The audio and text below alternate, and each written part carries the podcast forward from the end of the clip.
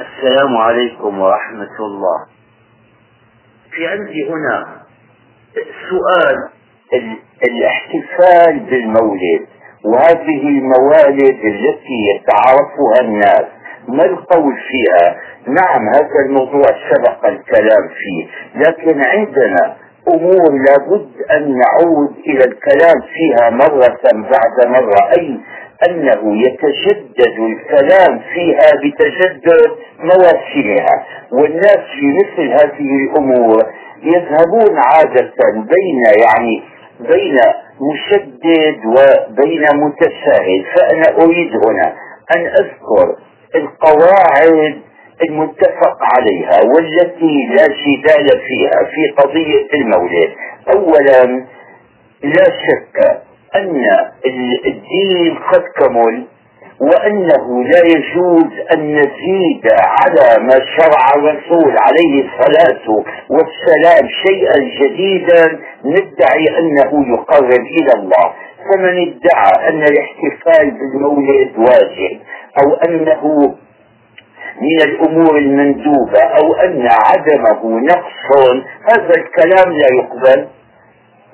ومن ادعى بأن الاحتفال بالمولد على إطلاقه مهما كان شكله ومهما كان أسلوب الاحتفال ومهما كان الكلام الذي يلقى فيه أن هذا حرام أيضا لا يقبل لأن التحريم لابد فيه من دليل قطعي. من الحقائق ثالث حقيقة. اثنين الثالثة ما هي أن الاحتفال بالمولد نشأ في قرون متأخرة يعني لا كان الصحابة ولا التابعون من بعدهم ولا كان التابعون التابعين ولا كان يحتفل في عصر الأئمة الأربعة ولا في عصر أصحابهم بهذا أمر معروف وثابت. وأول من احتفل بالموالد هذه عامة هم الفاطميون. الفاطميون إذا قلنا إذا قلت الفاطميون إنما أتبع التسمية المتعارفة وإلا فهم العبيديون لأن المحققين من المؤرخين ينكرون نسبتهم إلى السيدة فاطمة. لما؟ مو هذا المهم. ثم جاء الملك المفسر صاحب إربل. هو ليس ملكا وإنما كان أميرا.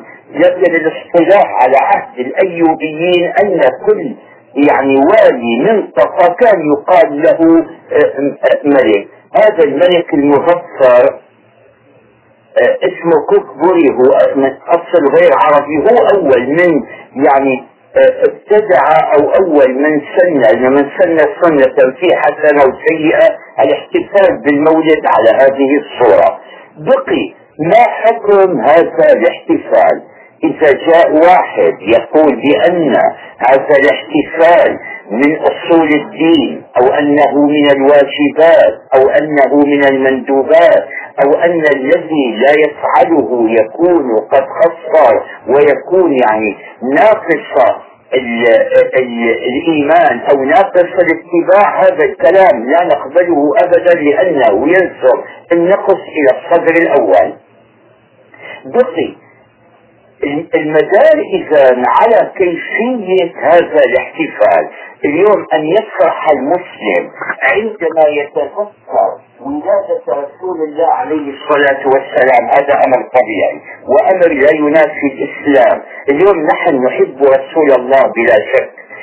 وكل مسلم عليه أن يحبه عليه الصلاة والسلام. اليوم يا إخوان الذين يحبون للدنيا العاشق كل ما يتصل بالمعشوق ينشرح له قلبه وينبسط له فؤاده يمر على دياره فيشم فيها عبقه يشم في دياره عطره تمر على صفحة ذهنه ذكريات صلاته به وذكريات لياليه معه. إذا سمع خبرا من أخباره اشتاق إليه واشتاق وحن هذا شيء طبيعي. فمن الطبيعي إذا أن المسلم إذا آه، ذكر ولادة الرسول عليه الصلاة والسلام أو ذكر هجرته أو ذكر كل ما يتصل به أولا يشعر بارتياح بقلبه لأن ذكر المحبوب محبوب والأمر الثاني أن كل كل ما يتصل بسيرة الرسول قدوة.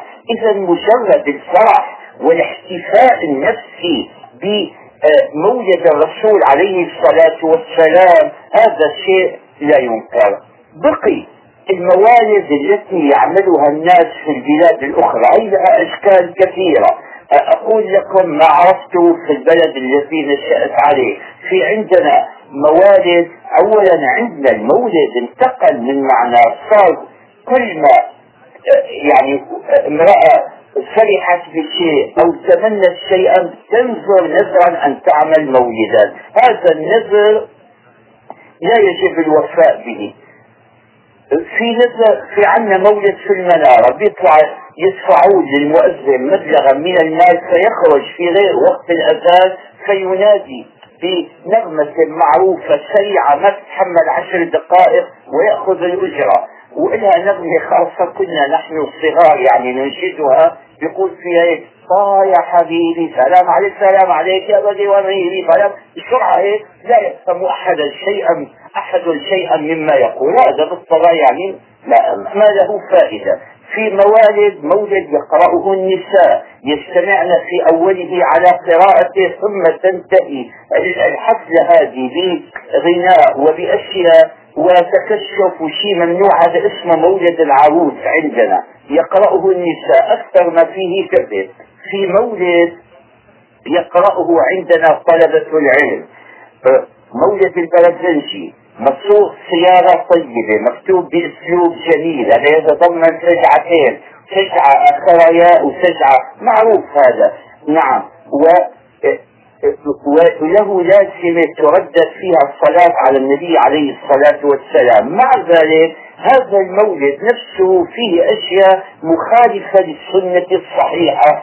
فيه مثلا في هذا المولد أن جده عرف بأنه نبي وأن أباه عرف وأن أمه عرفت بأنه نبي وفي مذكرات مدونة لشهور الحمل في الشهر الأول صار معه وفي الشهر الثاني وحضرت مولده آسية ومريم في نسوة من الحظيرة القدسية لأنه هي سجعة فيها هيك يا مشددة وسجعة فيها هذا ثبت هذا ما ثبت في حتى وتبشرت وحوش المشارق والمغارب. فإذا نظرنا إلى ما في هذا المولد لهذا يقرأه الأماثل من الناس. نجد فيه أشياء مخالفة للسنة الصحيحة. قلت لكم أن هنا أم عرفت وجد عرفت الوحوش عرفت مع أن أول حديث يقرأ في البخاري أن الرسول عليه الصلاة والسلام هبط عليه الوحي فعلا في غار حراء ونزل عليه جبريل وقال له اقرأ اقرأ باسم ربك الذي خلق ونزل وهو يعني مضطرب بهذا الأمر العجيب يعني ما كان يدري بأن هذه هي رسالة في أول الأمر. تعرفوا قصته مع السيدة خديجة ومع ورقة بن نوفل. راح قال لهم دثروني زملوني نزلت آية يا أيها المدثر ويا أيها المزمل إن قم جاي تنام أنت قم فأنذر الناس وادعوا بالقرآن وما كنت تدري من الكتاب. إذا الشيء الثابت الصحيح تجيء هذه بعض هذه الموارد فتقول بخلافه. إذا نحن الآن شوف نقف موقفا وسطا لا يعني ندعو إلى لا نقر هذه الموارد بحالتها المعروفة الآن بما فيها بعضها فيه شيء لم يثبت عن الرسول عليه الصلاة والسلام. بل فيه الكذب على الرسول. هذا ما نقره لأن من كذب علي متعمدا فليتبوأ مقعده من النار. ما في مسلم على وجه الأرض يوافق على أن تتلى أشياء فيها كذب على الرسول. هاي تركنا؟ في موالد عندنا في بلادنا. ما أدري هنا. تقترن بمحرمات. تبدأ الحفلة لقراءة هذا المولد الذي وصفته لكم وتنتهي بأشياء من اللهو الممنوع هذه أيضا ممنوعة بلا شك. فلو اجتمع الآن هذه أقوله إذا اجتمع جماعة في يوم المولد دعوا إلى محاضرة مثل المحاضرات التي يدعى الناس لسماعها محاضرة يلقيها عالم في موضوع إسلامي هو جانب من سيرة الرسول عليه الصلاة والسلام بمناسبة ذكرى ولادته. هذه ما المانع منها؟ هذا السؤال.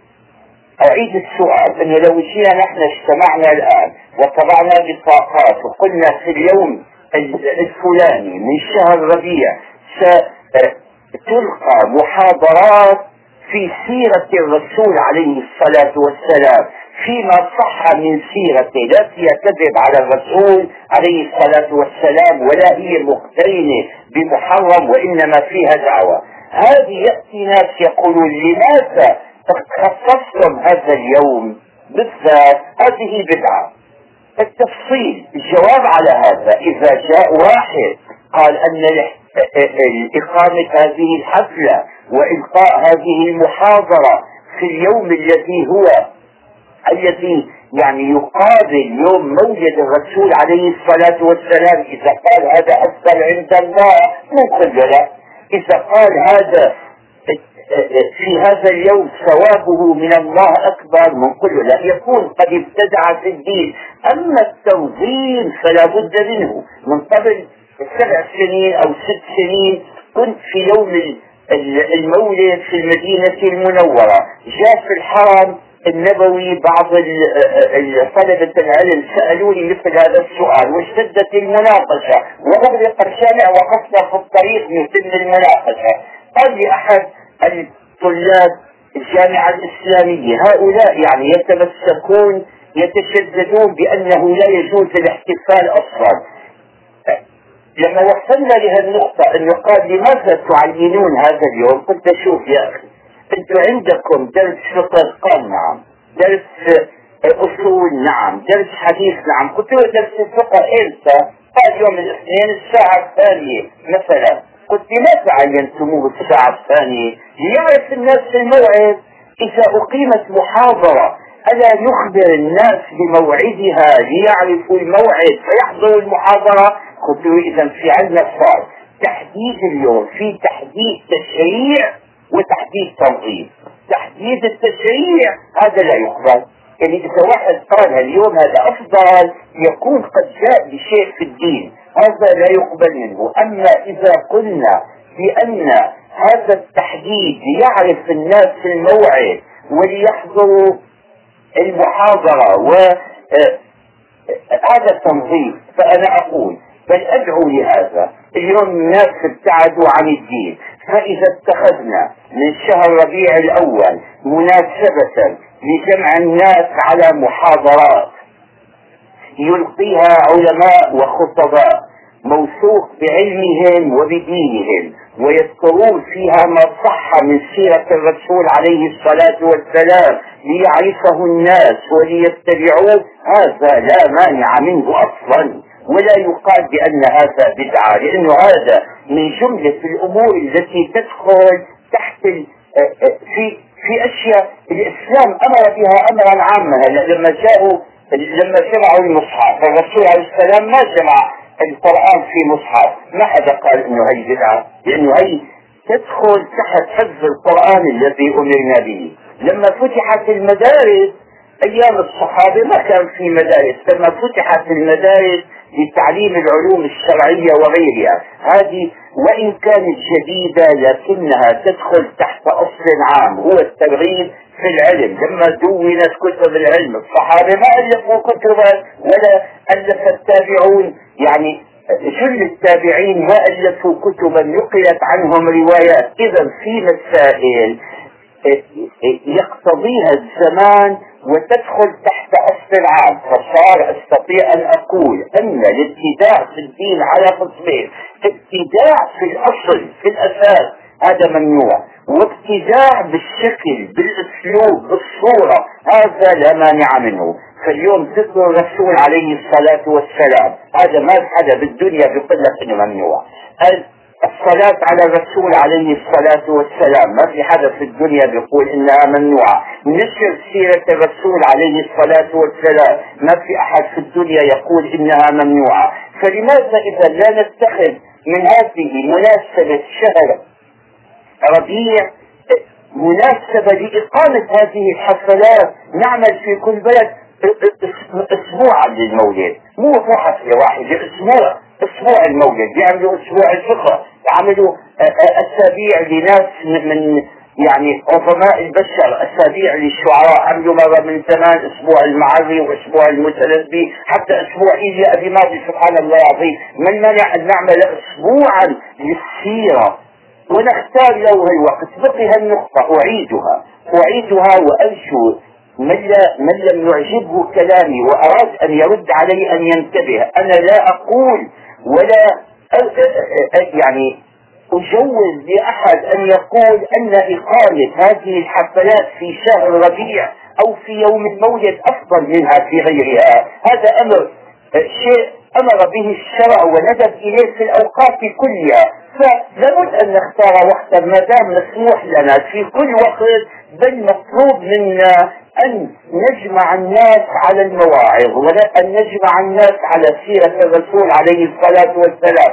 هي لابد من وقت. إذا ما عملناها بربيع بيقول بربيع بيقول ليش عملتها بربيع؟ لو عملتها بصفر بيقولوا كمان ليش؟ لابد لها من سبب. ولا أدعي بأن هذا التخصيص لهذا اليوم دين ولا أقول بانه هذه من لم يعملها يكون ناقصا لأنني حينئذ أنسب النقص إلى الصحابة والتابعين معاذ الله لكن أنا اليوم شدت الحاجة إليه أولئك ما كانوا محتاجين.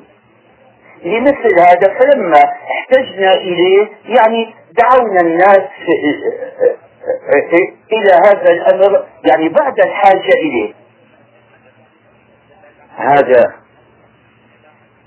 يقول فيها انه أثناء مطالعتي لإحدى الموسوعات الإنجليزية واسمها موسوعة الأطفال نعم ما بعرف أنا بقرأ إنجليزي. Children انسيكلوبيدي يمكن انسيكلوبيدي بكل اللغات. ومؤلفها مدري مين قال أثار حفيظتي ما قرأته في العدد الثامن من أجزائها عن الرسول عليه الصلاة والسلام. من أنه شاعر مصاب بداء الصرع وأن القرآن نتيجة لهذه النوبات ومصادره كانت التوراة والإنجيل وفي موضع آخر بيقول إيه نعم أنه بعد شبه هذا محمد إسماعيل بطرش من حمام مدرس إنجليزي متعاقد بال وين؟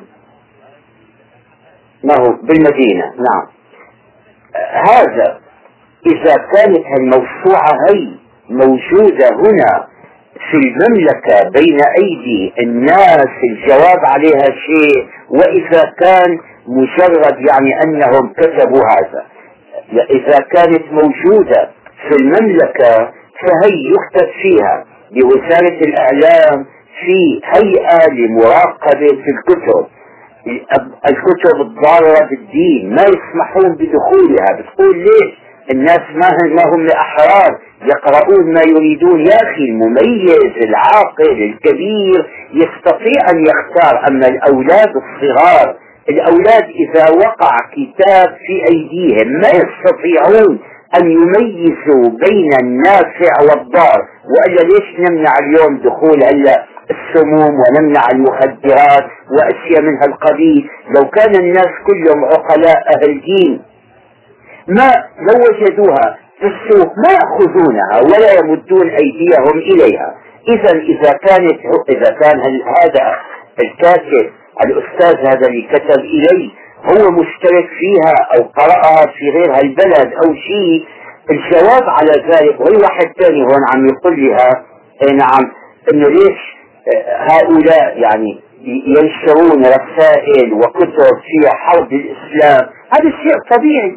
شيء طبيعي اليوم الذين لا يؤمنون بالإسلام بل الذين يعادونه كما يحاربونه بالبنادق وبالرصاص يحاربونه أيضا بالأفكار وبالآداب. هذا الصراع الأفكار قديم. لا نستطيع نحن أن نمنع كل أهل الأرض أن يكتبوا أشياء آه، تخالف الإسلام وتخالف الحقيقة بنفس الوقت. ما لنا عليهم سلطان. إذا سلطاننا على ماذا؟ على أنفسنا وعلى أولادنا وعلى من يثق بنا.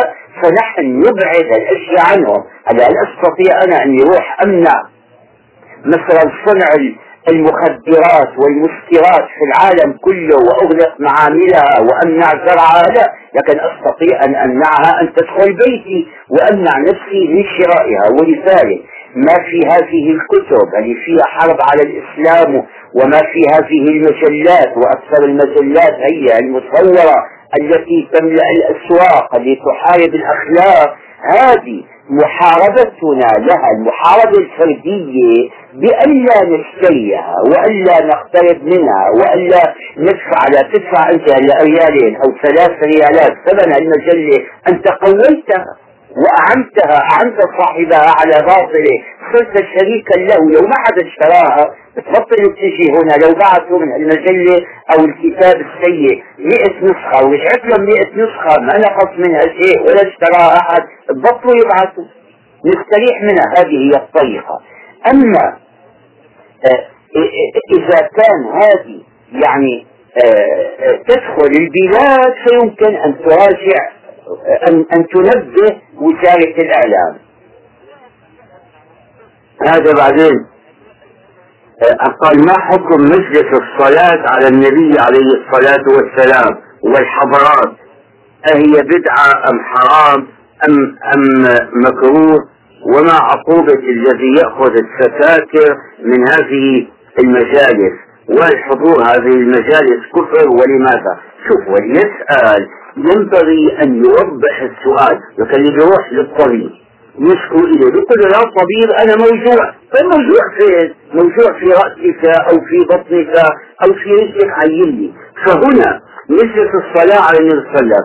مجلس إذا كان كما يدل السؤال ناس جلسوا يصلون على النبي صلى ما حدا يقول لهم إنه هذا أمر ممنوع هذا أمر مستحسن. لكن يبدو انه يسأل عن حالة خاصة ما وضحها. بعدين توزيع السكاكر الذين يجلسون للصلاة على النبي عليه الصلاة أو لذكر الله ما يوزعون سكاكر عادة. إذا هنا في حالة خاصة ما هي؟ أما الحضارات هذه نعرفها. هلا عندما يقولون في الشام أنه عملوا حضارة هذا الذكر مع الحركات. العلماء الفقهاء يسمونه الرقص. ما تعجبوا كلمة رقص؟ الرقص هذا هذا اسمه في اللغة. حتى بعض الأمراض اليوم في كان واحد فلان نسيت اسمه أيام عبد الله بن الزبير اسمه فلان رقاصة مو رقاصة كان يشتغل يرقص في ال في ال مثل الرقاصات لا وإنما كان عنده مرض عصبي لا يستطيع أن يمشي إلا على الشكل بيطلع وبينزل هيك يتحرك مثل حركة الرقص هذا الرقص عند العرب ولذلك سمي هذا الرقص. هذا في عندنا في المذهب الحنفي منظومة اسمها الوهبانية لابن وهبان. هي كثيرا ما يحتج بها ابن عابدين في الحاشية والحاشية لابن عابدين. هذا الكتاب الذي يفتى به في المذهب الحنفي الاعتماد في الفتوى عليه. ينطق قال ومن يستحل الرقص قالوا بكفره ولا سيما بالدف يلهو ويزمر هذه خص يعني هي أنشوزة فقهية لكن لكن نظمها جيد. مو مثل الأراجيز هذه يعني العلمية الأخرى لا جيد. وابنه علاء الدين ابن عبدين الشيخ علاء الدين وضع في الهدية العلائية وإن كان أخونا ال ال الأستاذ الشيخ ما بدي أقول سمي علق عليها تعليقا يعني حول المعنى. لا اليوم هذا ممنوع. ذكر الله ذكر الله نحن أمرنا به. جاء في القرآن الذكر في مواضع كثيرة جدا. يذكرون الله يقول هذا ربنا قال قياما وقعودا وعلى جنوبهم. مو قياما وقعودا إني أبدأ الذكر وأنا قائم ثم أقعد ثم أقوم. ما هي حركات رياضية؟ ما هي يعني دبكة نعملها مثل الدبكات هذه أو إيش بسموه هنا العرضة الشعبية. لا لا. ذكر الله ينبغي أن يكون ذكر الله. شوفوا يكون بالقلب ويكون باللسان. ذكر الله وكلاهما ورد في القرآن. الأصل في الذكر أن يكون في القلب مع اللسان. لأن الجواحر ذكر بلسانه معلش إذا توسعت فيها قليلا. إذا ذكر الله بلسانه وقلبه غافل هذا في الشام عندنا بائع الخس. اللي بيع الخس إيش يقول؟ بنادي الله الدائم. هذا معنى يذكر الله لا يذكر الله هذا يبيع الخس. فإذا سمعت في الشام بائعا ينادي الله الدائم هذا معناها أنه يقول تعالوا اشتروا من الخس. بياع الكعك في الشام صباحا بنادي الله كريم الله كريم. هذا ما يذكر الله وإنما يريد أن يبيع الكعك. يعني يصعد لما كانت البيوت مستورة قديما وكان ما يطلع أهل البيت على جيرانهم كان الصيان إذا جاء بيجي الصيان في السنة مرة بينادي يا الله صياني يا الله. هذا ما يذكر الله. إلا إذا نوى إذا نوى الذكر له نيته هذا يريد أن ينبه النساء أنه طلع فوق السطح لضرورة حتى يستتر النساء. فصار إذا الذكر باللسان بلا بدون حضور القلب هذا ما هو ذكر إذا كان الذكر بالحلقة الماضية تكلمت عن الذين يذكرون الله في الأغاني. هي صارت منتشرة كثيرا من الآن لا سيما يسموا انه هذه أناشيد دينية. قال واحد يذكر الله مع اوركسترا كاملة وآلات وطرب. هذا هذا اثم هذا بدلا من أن يثاب يكتب عليه يكتب عليه يعني تكتب عليه سيئة لا تكتب له حسنة لو أراد الذكر لذكر الله خاشع القلب ولذلك الذكر بالقلب ورد في القرآن. النوعان وردا في القرآن. هلا اذكروا نعمتي التي أنعمت عليكم. شو أنا اذكروا نعمتي؟ اذكروها بلسانكم. قولوا نعمة الله نعمة الله نعمة الله مئة مرة. لا اذكروها أي لا تنسوها. اذكرني عند ربك لما قال سيدنا يوسف لهذا اللي عبر له رؤيا هي تحتمل المعنيين. اذكرني بلسانك واذكرني فصار الذكر الذكر باللسان والذكر بالقلب. فالذكر بأسحار هذه ممنوع.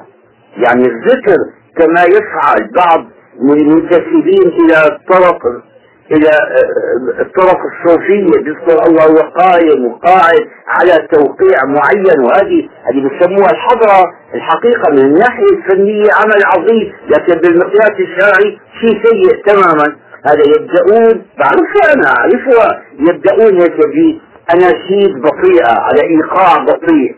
بحركات خفيفة بعدين تشتد وتشتد وتسرع إلى أن واحد واقف في الوسط تمام مثل ما يستوى هذا بتاع الأوركسترا اللي يوجه الأمصير. صار الفكر لعبا جعلنا الدين لعبا ولهوا ولعبا. ذكر الله ينبغي أن يكون مع خشوع القلب ومع الاتباع ما نخترع في الدين شيئا جديدا. فهذه تسأل عنها. مجالس الصلاة على النبي صلى الله عليه وسلم إذا كانت مجالس للصلاة على النبي وسلم الصلاة على النبي ربنا أمرنا بها قال صلوا عليه وسلموا تسليما. في الحديث الصحيح من صلى علي مرة صلى الله عليه بها عشرة فالصلاة على النبي من من الذكر والمطلوب الذي ينبغي أن يحافظ عليه وأن يكثر منه ولنا عليه الثواب. هذا ما في كلام. بقي الصيام صيغ كثيرة جدا في عنا كتاب دلائل الخيرات. هذا كان منتشر كثيرا في أفضل الصيغ على الإطلاق التي علمها الرسول عليه الصلاة والسلام لما قالوا كيف نصلي عليه علمهم الصلاة الإبراهيمية وغيرها ما هو حرام ما هو ممنوع لكن الأفضل هي. أما إذا كان هذه فيها أشياء غير ذلك مجالس الصلاة النبي التي ما أعرفها ولا حضرتها أبدا يقول هل هي كفر؟ لا ليش كفر؟ كفر لا هل هي حرام؟ والله ما أدري بحسب تبعا لحالتها ولوصفها فأرجو ممن يسأل أن يوضح السؤال هذا عم يقول أنه طلع البدو علينا الأنشودة هذه اللي أنشدتها ولائد المدينة متى كان شوفوا هذا المشهور عند الناس الأشهر عند الناس اللي نعرف انه هي كانت عند الهجرة. لكن اللي يقول المحققون أنها كانت عند عودة رسول الله عليه الصلاة والسلام من تبوك. لما عاد من تبوك ويستدلون بأن ثنية الوداع من جهة الشام وليست من جهة مكة. والله ما أدري من من أهل مكة خبرني. إما الأستاذ عبد العزيز الربيع أو أو أحد يعني أعضاء ناديه هذا له ناد أدبي. فيه مجموعة من أفاضل الناس نادي الوادي المبارك أظن اسمه يعني وادي العقيق. خبرني قال هنالك ثنيتان والله أعلم أنا غير متحقق منها. بس الذي أعرفه أن الأصح أنها النشيد هذا إنما كان عند ما عاد الرسول هذا الأصح عندما عاد الرسول عليه الصلاة والسلام من غزوة تبوك. هذا هنا يسأل قال لماذا كانت كل الرسالات مركزة في منطقة الشرق الأوسط؟ الآن أنا كنت أجبت على هذا الجواب على هذا السؤال الجواب الذي خطر في بالي هذا الله أعلم حيث يجعل رسالته هذه شغلة متعلقة بالله. ما نستطيع أن نعرفها. قال لماذا لم يكن هناك مرسلا من النساء وهذا الرجل الأبيض والمختص بالرسالة؟ ما في شك أنه في الأسئلة وأمثالها. إن الرسول عليه الصلاة والسلام كان اسم جده عبد المطلب وما كره ذلك. ولا تنصل منه. بل كان يقول يوم حنين أنا النبي لا كذب أنا ابن عبد المطلب. فالجواب على هذا انه هي المديرة المتنطعة اللي نسبت إلى الإسلام ما ليس منه وتشددت التشدد هذا. اللي له معقول وله مقبول وكلفت البنت أن تصحح. شو تصحح؟ اسم جدها جدها اللي مات من زمان. ما تسمع المحكمة دعوة انه صلح اسمه. أما أن يسمي رجل ولده باسم عبد المطلب أقول لا يجوز وقلت هذا من قديم. هذا شو قصة عبد المطلب؟ المطلب عمه. عمه. وهو اسمه شيبة جد الرسول عليه الصلاة والسلام. كان اسمه شيبة. كل حدا بيسمي طفل صغير شيبة. هي من باب التفاؤل. العرب عندهم باب اسمه التسمية بالتفاؤل. يعني إنه هذا سيكبر إن شاء الله ويعيش حتى يصير شيبة. وفي في شيخ في في اسم شيخ موجود. أسرة أظن. في الأستاذ عابد الشيخ قرأت. يمكن من يوم الولد سموه شيخا ليه تفاؤلا. أي مثل ما تفاءلوا فسموا المهلكة المفازة المفازة من الفوز إنه فاز. وإن كان فوز معناها مات ترى شيء ثاني. كما يسمون الأعمى البصير. البصير تفاؤلا. يسمون اللذيذ اللي يلدغ تلدغه الحية أو شيء بيسموه السليم. شو قال؟ هذا. ألم تغتمض عيناك ليلة أرمدا وبت كما بات السليم مسهدا؟ تعرفوا ان القصيدة هذه لساني حافظها كلها. مثل عشرات وعشرات سبعين ثمانين قصيدة حافظهم كاملة من أيام الصغر من حتى من ستين سنة أكثر من ستين سنة. هل يحفظ الإنسان بالصغر ما ينسى؟ فخلاصة الجواب أن يتسمى أن يسمي رجل ولده باسم عبد المطلب لا يجوز وقص هذا أنه كان آه، آه، ولد في الشام. هاشم كان في غزة. حتى غزة يسمونها غزة هاشم إضافة إليه لإقامته بها. لما مات أبوه وشاء به عم وهذا لأحفظه الناس ما يعرفون الولد ظنوه عبدا اشترى قالوا هذا عبد المطلب. المطلب عمه. فصار خلاصة الجواب. إنه جد الرسول اسمه عبد المطلب عليه الصلاة والسلام أو على الرسول نعم. وأنه ما أنكره نعم. وإنه هي مديرة كرهت منعت ابوه البنت لأنه اسم جد عبد المطلب كلام فارغ. وأن يسمي رجل ولده الذي ولد الآن بعبد المطلب لا يجوز. هي خلاصة الكلام. فنسبوا إليه أشياء ما قلتها هذا يقول إنه يقرأ يسمع دائما انتقادات من أعداء الدين المستشرقين إنه كيف الرسول اللهم صل عليه تزوج تسع نساء. نعم.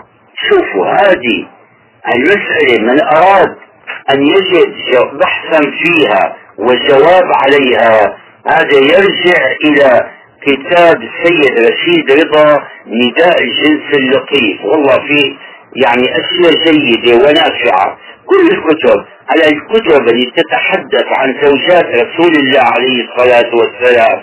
أولا ما يدعيه هؤلاء المستشرقون وغيرهم من أن الرسول عليه الصلاة والسلام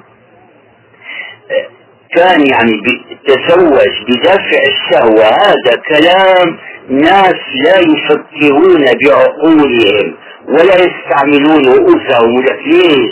على الرسول اللهم صل عليه نشأ في بلد في بلد لا فيه يعني ما له ما فيه نظام ولا فيه سلطة. والشباب أحرار ومنطلقون ومنطلقون على يعني يفعل واحد ما يريد. وسن الشهوة القوية إمتى؟ السن الأولى. فالرسول عليه الصلاة والسلام بقي بلغ الخامسة والعشرين لا تزوج ولا عرف عنه أي صبوة أو ما يدل عليها أو تفكير بالنساء أو اللي يقولوا الآن الأمور الجنسية. بتقول طيب من أين علمنا؟ ولك أعداء الرسول لما ادعى لما جاء الرسول نزل عليه الوحي وجاءهم برسالة الله التي تهدم أصنامهم وتزيف عقائدهم الزائفة الفاسدة لو كانوا يعلمون عنه شيئا لأذاعوه. افتروا عليه لأنهم ما عرفوا عنه شيئا يطعن فيه. كانوا سكتوا عنه. كانوا راحوا قالوا انه الآن أنت جئت تدعو للفضيلة ومكارم الأخلاق وأنت في شبابك عملت كذا وكذا. ما ما يقل شيء. وتزوج وهو في الخامسة وعشرين أي تزوج بنتا شابة صغيرة بكرا تزوج امرأة أرملة في الأربعين من عمرها تصوروا بعد ذلك بقي معها وحدها حتى توفيت كانت كان عمرها توفيت في الخامسة والستين. بقي معها المدة كل هذه.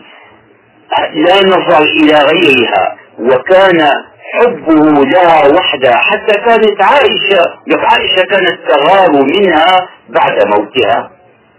تزوج بعدها بثلاث سنين. وكان يعني كل ما يرسل هدايا إلى صديقات خديجة يقول إني لأحب حبيبها. إذا لماذا تزوج بعد ذلك العدد من النساء ليعلم الناس الأحكام الشرعية عن طريقهن.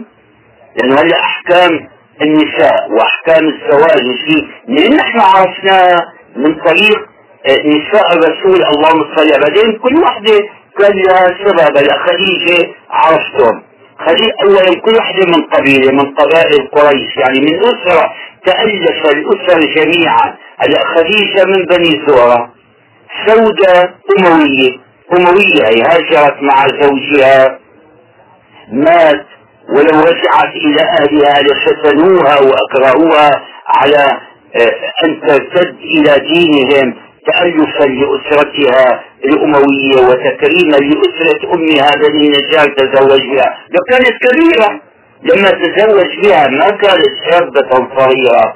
عائشة تيمية تزوج بها إكراما لأبيها أبي بكر واقترحتها عليه مو راح نظر إليها واشتهى الزواج من اقترحتها عليه خولة بنت حكيم أي زوجة عثمان بن مظعون لما تزوج هذه عائشة بنت أبي بكر تزوج حفصة لأنها بنت عمر وتزوجها وهي أرملة أي مات زوجها وانقضت العدة عرضها عمر على أبي بكر وعثمان ما قبلها شكى ذلك لرسول الله عليه الصلاة والسلام فتزوجها.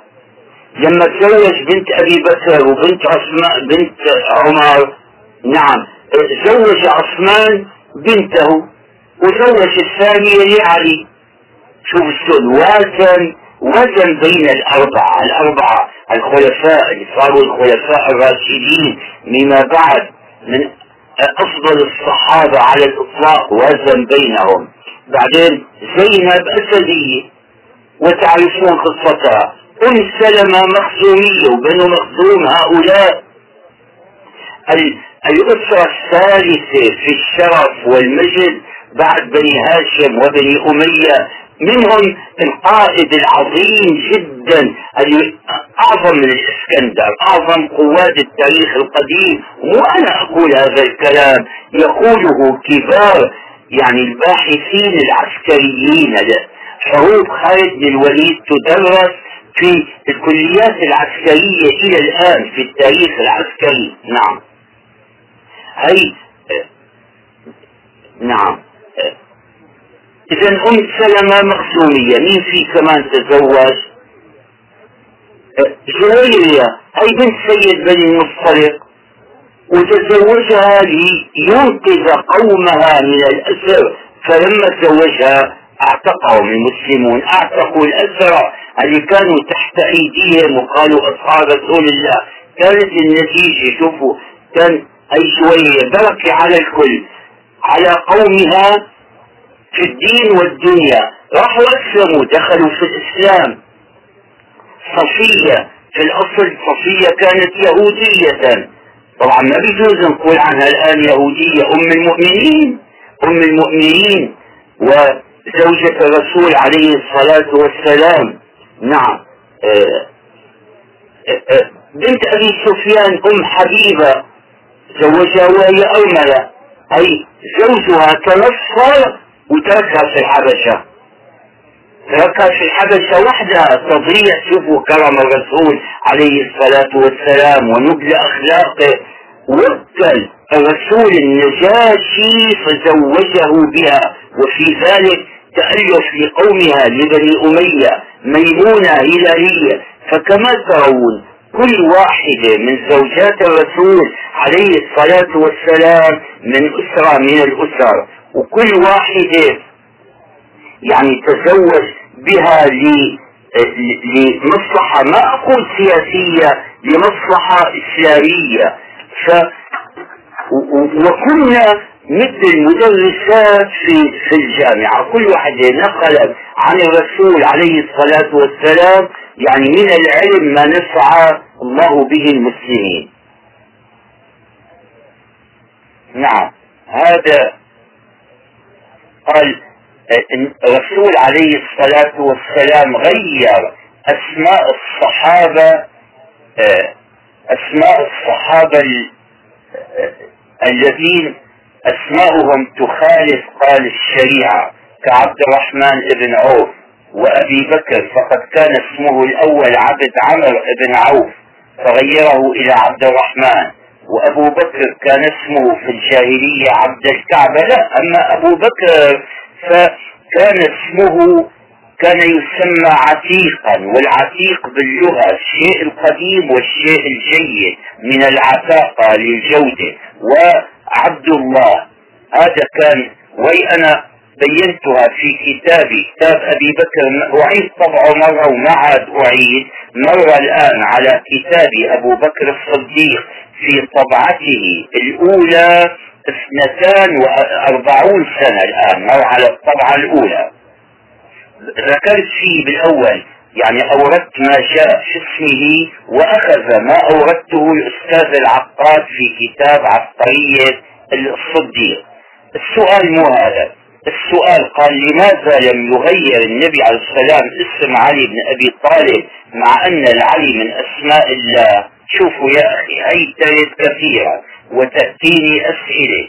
أنه فلان مثلا اسمه آه، آه، يعني هادي والهادي هو الله. في سؤال عندي هذا اسمه علي.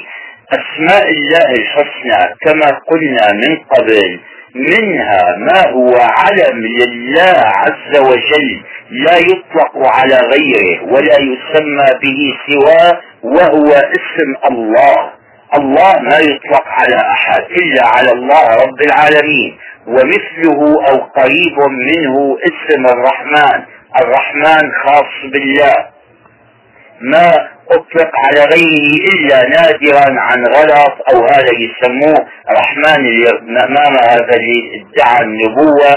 فاسم الله هو الرحمن والثالثة اسم كلمة أحد في حال الإثبات بالنفي منقول ما جاء أحد لا أحد في الدار. أما ما منقول جاء أحد منقول جاء واحد. ما عدا ذلك هلأ الله من أسمائه السميع ومنقول هذا سميع وهذا أصم. الله من أسمائه البصير منقول هذا بصير وهذا آه، مكفوف. الله من اسمائه الاسماء هي يا إخوان. وكي وضعت في لغة العرب قبل أن ينزل القرآن هذه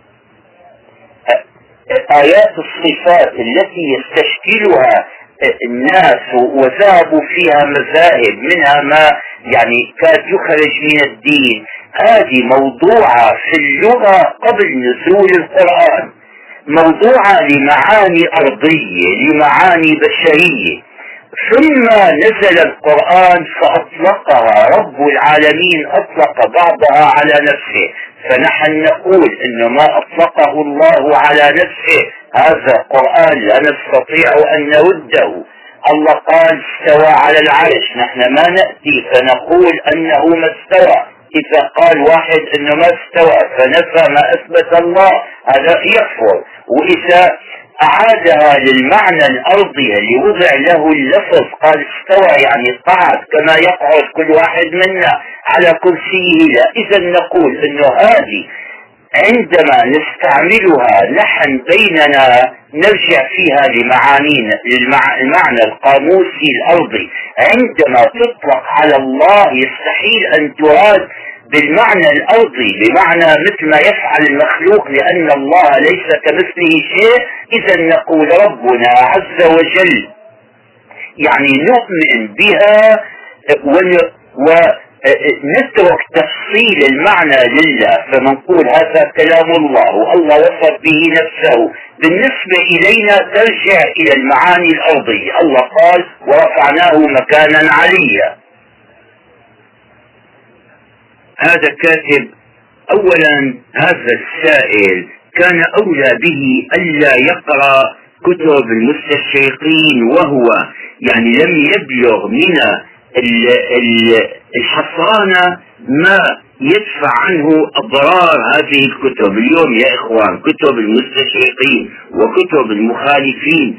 نحن ما نقول إنه هي المسلم يحرم عليه أن ينظر فيها اطلاقا. لا بحسب يختلف الأمر باختلاف حال القارئ واختلاف مقصده منها. فالعالم المتمكن الذي يقرأ هذه الكتب ليرد عليها وينبغي يعني آه، ينبغي أن يكون في المسلمين علماء يراقبون ما يصدره هؤلاء المستشرقون وأعداء الإسلام ليردوا عليها إذا انتشرت بيننا. ليش قلت إذا انتشرت؟ هذه ملاحظة لابد من توضيحها. الكتب في كتب مخالفة للحق تهاجم الإسلام تضر الأخلاق.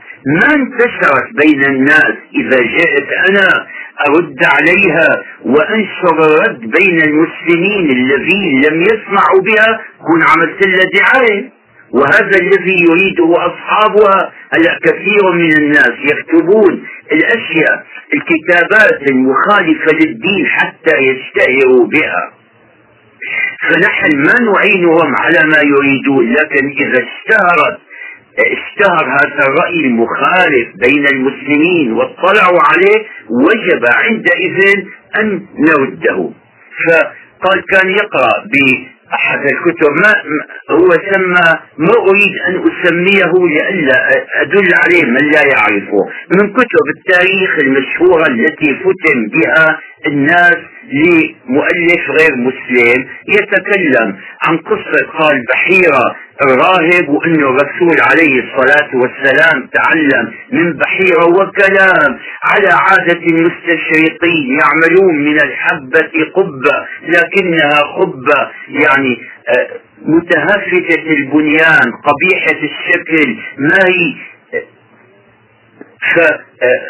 فأولا كاتب بحيرة هو مو بحيرة البحيرة تصوير البحر يا عمي البحيرة بحيرة طبرية والبحيرة هذه بحيرة اسمه بحيرة. اسم أعجبي ما هو عربي. قصة بحيرة كلها لو رجعتم ل آه، مين؟ الذهبي. الذهبي في تاريخ الإسلام يقول بأن الحديث اللي يروي أن أبا بكر أرسل بلالا مع الرسول عليه الصلاة والسلام. لما ذهب للقاء بحيرة في حديث يرونه مذكور بكتب التاريخ وفيه أن أبا بكر أرسل بلالا مع الرسول عليه الصلاة والسلام. هذا يقول عنه بل عن قصة بحيرة يعني برواياتها بأكثر رواياتها. الذهبي الذهبي مؤرخ الإسلام يقول حديث منكر جدا. يستدل على ذلك بأدلة يعني آه، من السند وأدلة آه، من المتن أدلة معقولة ومنقولة. بيقول أولا أين كان أبو بكر؟ أبو بكر أصغر من رسول الله عليه الصلاة والسلام بسنتين ونصف هذا كلام الذهبي. فكان يومئذ أبو بكر ابن عشر سنين. وبلال وين كان بلال؟ أبو بكر اشترى بلالا بعد البعثة. ما كان ولد بلال. وبلال اولا لم يكن قد ولد وأبو بكر كان عمره عشر سنين. بعدين في الحديث أن الرسول عليه الصلاة والسلام كانت عليه غمامة ظله فلما قعد بفيء الشجرة مال الفيء بيقول طيب ما دام أنه عليه آه، غمامة. فما حاجته إلى فيء الشجرة؟ ولما بنتهي منها أقول لكم أنه حديث الغمامة التي تظلل الرسول عليه الصلاة والسلام والتي أولع يعني بعض المنشدين أو اللي في البلاد اللي يقومون في الليل على المنائر أو قبل أذان الظهر يوم الجمعة وليلة الخميس والجمعة بيعملوا تذكير يقولوا اللهم صل على المظلل بالغمام. هذا ما صح. الحديث الذي أصح منه حديث الهجرة أن أبا بكر لما مالت الشمس غطى يعني إيش؟ ظلل. الرسول بندائه معناها كانت تجي الشمس مثله مثل غيره. قل إنما أنا بشر مثلكم. فالرسول بشر ما عدا الأشياء التي وردت فيها أدلة قوية صحيحة مثل سائر البشر. بعدين عم يقول الذهبي إنه لو القصة هذه كانت صحيحة وأن بحير الراهب عرفه بالذات والرسول عليه الصلاة والسلام كان حريصا على إسلام عمه أبي طالب. فلماذا لم يذكره؟ كان بيقول له يا عمي ألا تذكر أنه آه، الراهب اللي خبر ب خبرك بأني نبي أو شيء من هذا. لاحتج عليه لأنه كان حريصا على إسلامه. ولو وقع الأمر اشتهر في قريش فبعدين لو كان هذا معروفا الرسول عليه الصلاة والسلام لما نزل عليه الوحي ما عرف انه هذا وحي وخاف واضطرب وذهب إلى عائلة خديجة مرعوبا وقال لهم دثروني زملوني. حتى ربنا قال له يا أيها المدثر قم. مش تنام قم فأنذر. يا أيها المزمل. وذهب ذهبت به إلى قريبها ورقة بن نوفل فقال له هذا الناموس الذي كان ينزل على موسى. نعم. بعدين الحديث الثاني اللي قال الراهب الثاني اللي قال لميسر غلام خديجة مثل ذلك أيضا يقول الذهبي بأنه منكر. شوفوا يا إخواننا انظروا الفرق بين العلم وبين الرواية الخرافية. بين الشيء الثابت عند العلماء وبين ما جاء به الموالد والقصص وكتب الأخبار. حتى الأفلام الآن الجديدة هذه يسموها طلعت على هامش السيرة والثانية مع هذه الأخرى. نسيت والله هي تطلع هي كلها عن سيرة الرسول اللهم صل عليه اللي بينظر إليها أو يقرأ الموالد. لكل الناس عرفوا بأنه هذا الرسول لما ولد جده عرف و آه، الناس كلهم عرفوا واليهود عرفوا هذا اللي يذكر بهالاخبار وبهالقصص وبالموالد اللي يقرأها الناس وفيها كذب على رسول الله السلام ما أنه الله بيقول له في القرآن وما كنت تدري ما الكتاب. وفي الحديث الصحيح أول البخاري حديث بدء الوحي اللي قلت لكم يا نزل عليه الوحي بأنه رسول الله معه. فكيف عرفوا الناس كلهم؟ وعرفوا إنه هذا بالذات هو رسول الله هذا من قبيل الكذب على الرسول عليه الصلاة والسلام. والرسول عليه الصلاة والسلام من أصدق الأحاديث وأقواها وأصحها رواية وهي وهو حديث من كذب علي متعمدا فليتبوأ مقعده من النار. نعم. شو معنى فليتبوأ مقعده من النار يعني بيحجز لنفسه سريرا في جهنم بيقطع تذكرة لجهنم هذه معناه هذا يسأل عن كسوف الشمس يوم وفاة إبراهيم ابن الرسول عليه الصلاة والسلام. وقال قلت بأن هذا التاريخ محدد ومعروف. قال متى كان؟ طبعا أنا هذه ليست يعني من الشؤون التي أعرفها فرجعت إلى من بحث فيها كسوف الشمس يوم وفاة إبراهيم ابن الرسول عليه الصلاة والسلام كان في اليوم السابع والعشرين من الشهر الأول يناير جانفير هذا يعني كانون الثاني سنة 632 للميلاد. يوم 27 من السنة الأولى الميلادية سنة 632 الساعة الثامنة وثلاثين دقيقة صباحا. هذا تاريخ كسوف الشمس. نعم. إلى آخره. بعدين عم يقولها بالمناسبة إنه التحقيق عن ولادة الرسول عليه الصلاة والسلام. شوفوا رسول اللهم صل عليه. ولد في اليوم العشرين من نيسان 571 هذه اللي حسبها محمود باشا الفلكي. محمود باشا الفلكي اللي قلت لكم عنه. هذا عالم مصري جليل القدر. عالم عالمي يعني عالمي. من هذا اللي سمي باسمه ميدان باب هذا اللي في مصر اللي في محطة حلوان. سموه بعدين ميدان الأزهار وبعدين بيبدلوا الأسماء. ما أدري لماذا. في مصر يبدلون الأسماء مع أن الأسماء ينبغي أن تبقى كما هي لا سيما إذا كانت تاريخية. نعم. فيوم عشرين نيسان نيسان آه شو نيسان؟ أبريل يعني.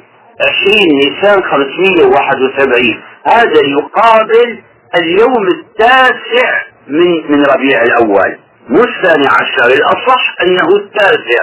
الرسول عليه الصلاة والسلام ولد في اليوم التاسع من ربيع الأول. وإن كان الرواية الشائعة المشهورة عند الناس أنه ولد في اليوم الثاني عشر. على محمود باشا الفلكي الثابت أنه ولد يوم الاثنين يوم الاثنين. عم يقول لك محمود باشا أنه لا يمكن في تلك السنة أن يكون اليوم الثاني عشر هو يوم اثنين. نعم. السؤال الثاني سؤال بس هو قريب لكن يدل على أن كثيرين من شبابنا والله الحق تريدون الحق أو تفعلوا من الحق صيغ الشباب تاريخ الثقافة الإسلامية ضعيف. قد اختلف طالبان إنه هذا زاد المعاد مؤلفه ابن الجوزية ولا ابن الجوزي. شو يظن هذا أخونا؟ إنه الجوزية هي امرأة. قلت لكم أما هذا اسمه ابن قيم الجوزية. يا إخوان الجوزية مدرسة. مدرسة في دمشق. أبوه كان قيما عليها فنسب إليه. هذا موجود عندنا كثير من يتتبع تاريخ العلماء في علماء كثيرون نسبوا إلى وظائف آبائهم. في من المشهورين منهم في ابن قاضي شعبة في ابن خطيب دارية في في ابن خطيب الري في ابن إمام الحرمين في ابن نواب الكاملية ابن شيخ الربوي هذا المؤرخ المشهور الحافظ. فالمدرسة هذه كانت موجودة عند باب الباب الدار الأثرية دار أسعد باشا العظم في الشام. اللي الآن متحف متحف الفنون الشعبية. شوفوا ماذا جرى لمدارسنا. مدارسنا الموقوفة القديمة هذه كانت الجوزية مدرسة. كان فيها علماء حسبكم أن هذا آه، ابن قيم المدرسة العالم الجليل المعروف تلميذ شيخ الإسلام ابن تيمية.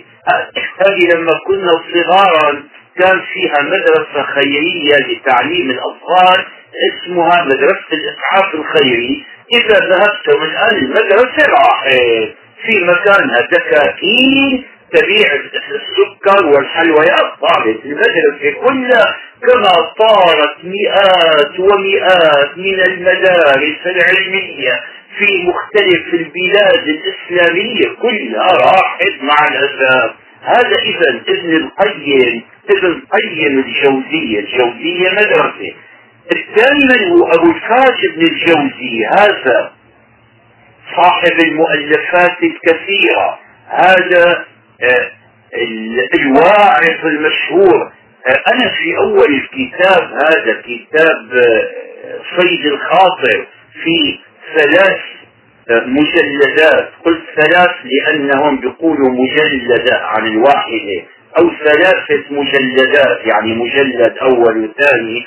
فأنا عملت مقدمة في ترجمته في نحو سبعين صفحة أطول. دراسة لابن الجوزي موجودة في أول كتاب صيد الخاطر. الطبعة اللي حققها أخي ناجي وأنا علقت عليها. ابنه ابن ابن الجوزي ابن أبي الفرج ابن الجوزي هو الذي أنشأ هذه المدرسة. فناس كثيرون يخلطون بينهما ابن القيم الجوزي الشامي دمشقي وابن الجوزي بغدادي. ابن الجوزي سابق ومتقدم وهذا لاحق ومتأخر. ابن الجوزي كان واعظا مؤرخا مكثرا وهذا كان يعني فقيها محققا محدثا. نعم. هذا هو الجواب.